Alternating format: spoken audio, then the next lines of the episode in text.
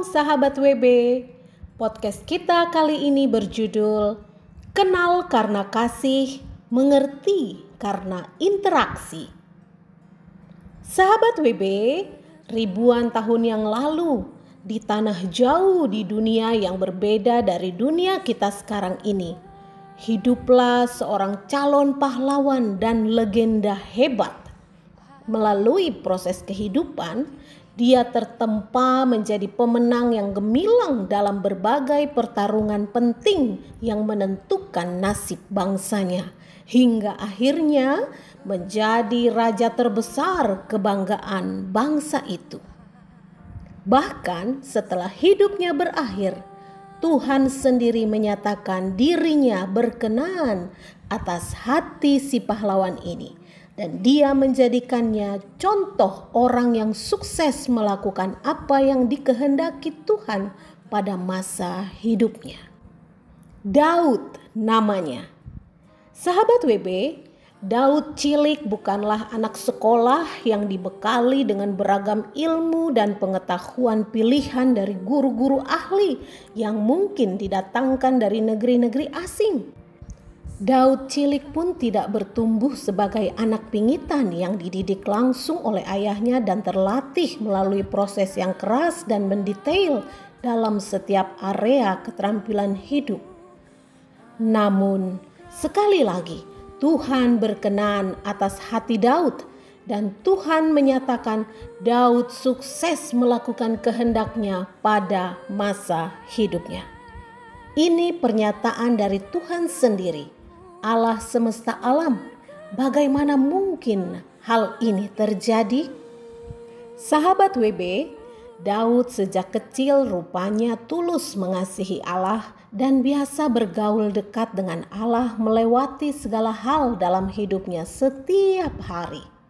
Dia sejak kecil sendirian menjaga sekelompok hewan ternak milik ayahnya di padang, tanpa siapa pun bersamanya tanpa sarana hiburan apa pun di tangannya. Dia pun berinteraksi tanpa henti dengan Allah, sehingga semakin mengenal Allah, mengerti kehendak hatinya, dan memahami perintah-perintahnya. Daud bersahabat akrab dengan Allah sendiri. Ini bukan berarti Daud kemudian berbangga dengan kedekatannya dengan Allah itu Daud memandang hubungannya dengan Allah bukan sebagai bahan pamer seperti orang biasa yang sekilas pernah berkenalan atau berfoto dengan seorang tokoh terkenal.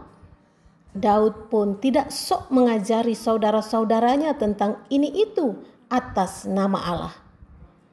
Tulisan-tulisannya menunjukkan bahwa Daud sadar dirinya jauh sekali dari mengenal dan mengerti Allah atau memahami pikiran dan perintahnya. Aku dungu seperti hewan. Mazmur 73 ayat 22. Betapa sulitnya pikiranmu ya Allah.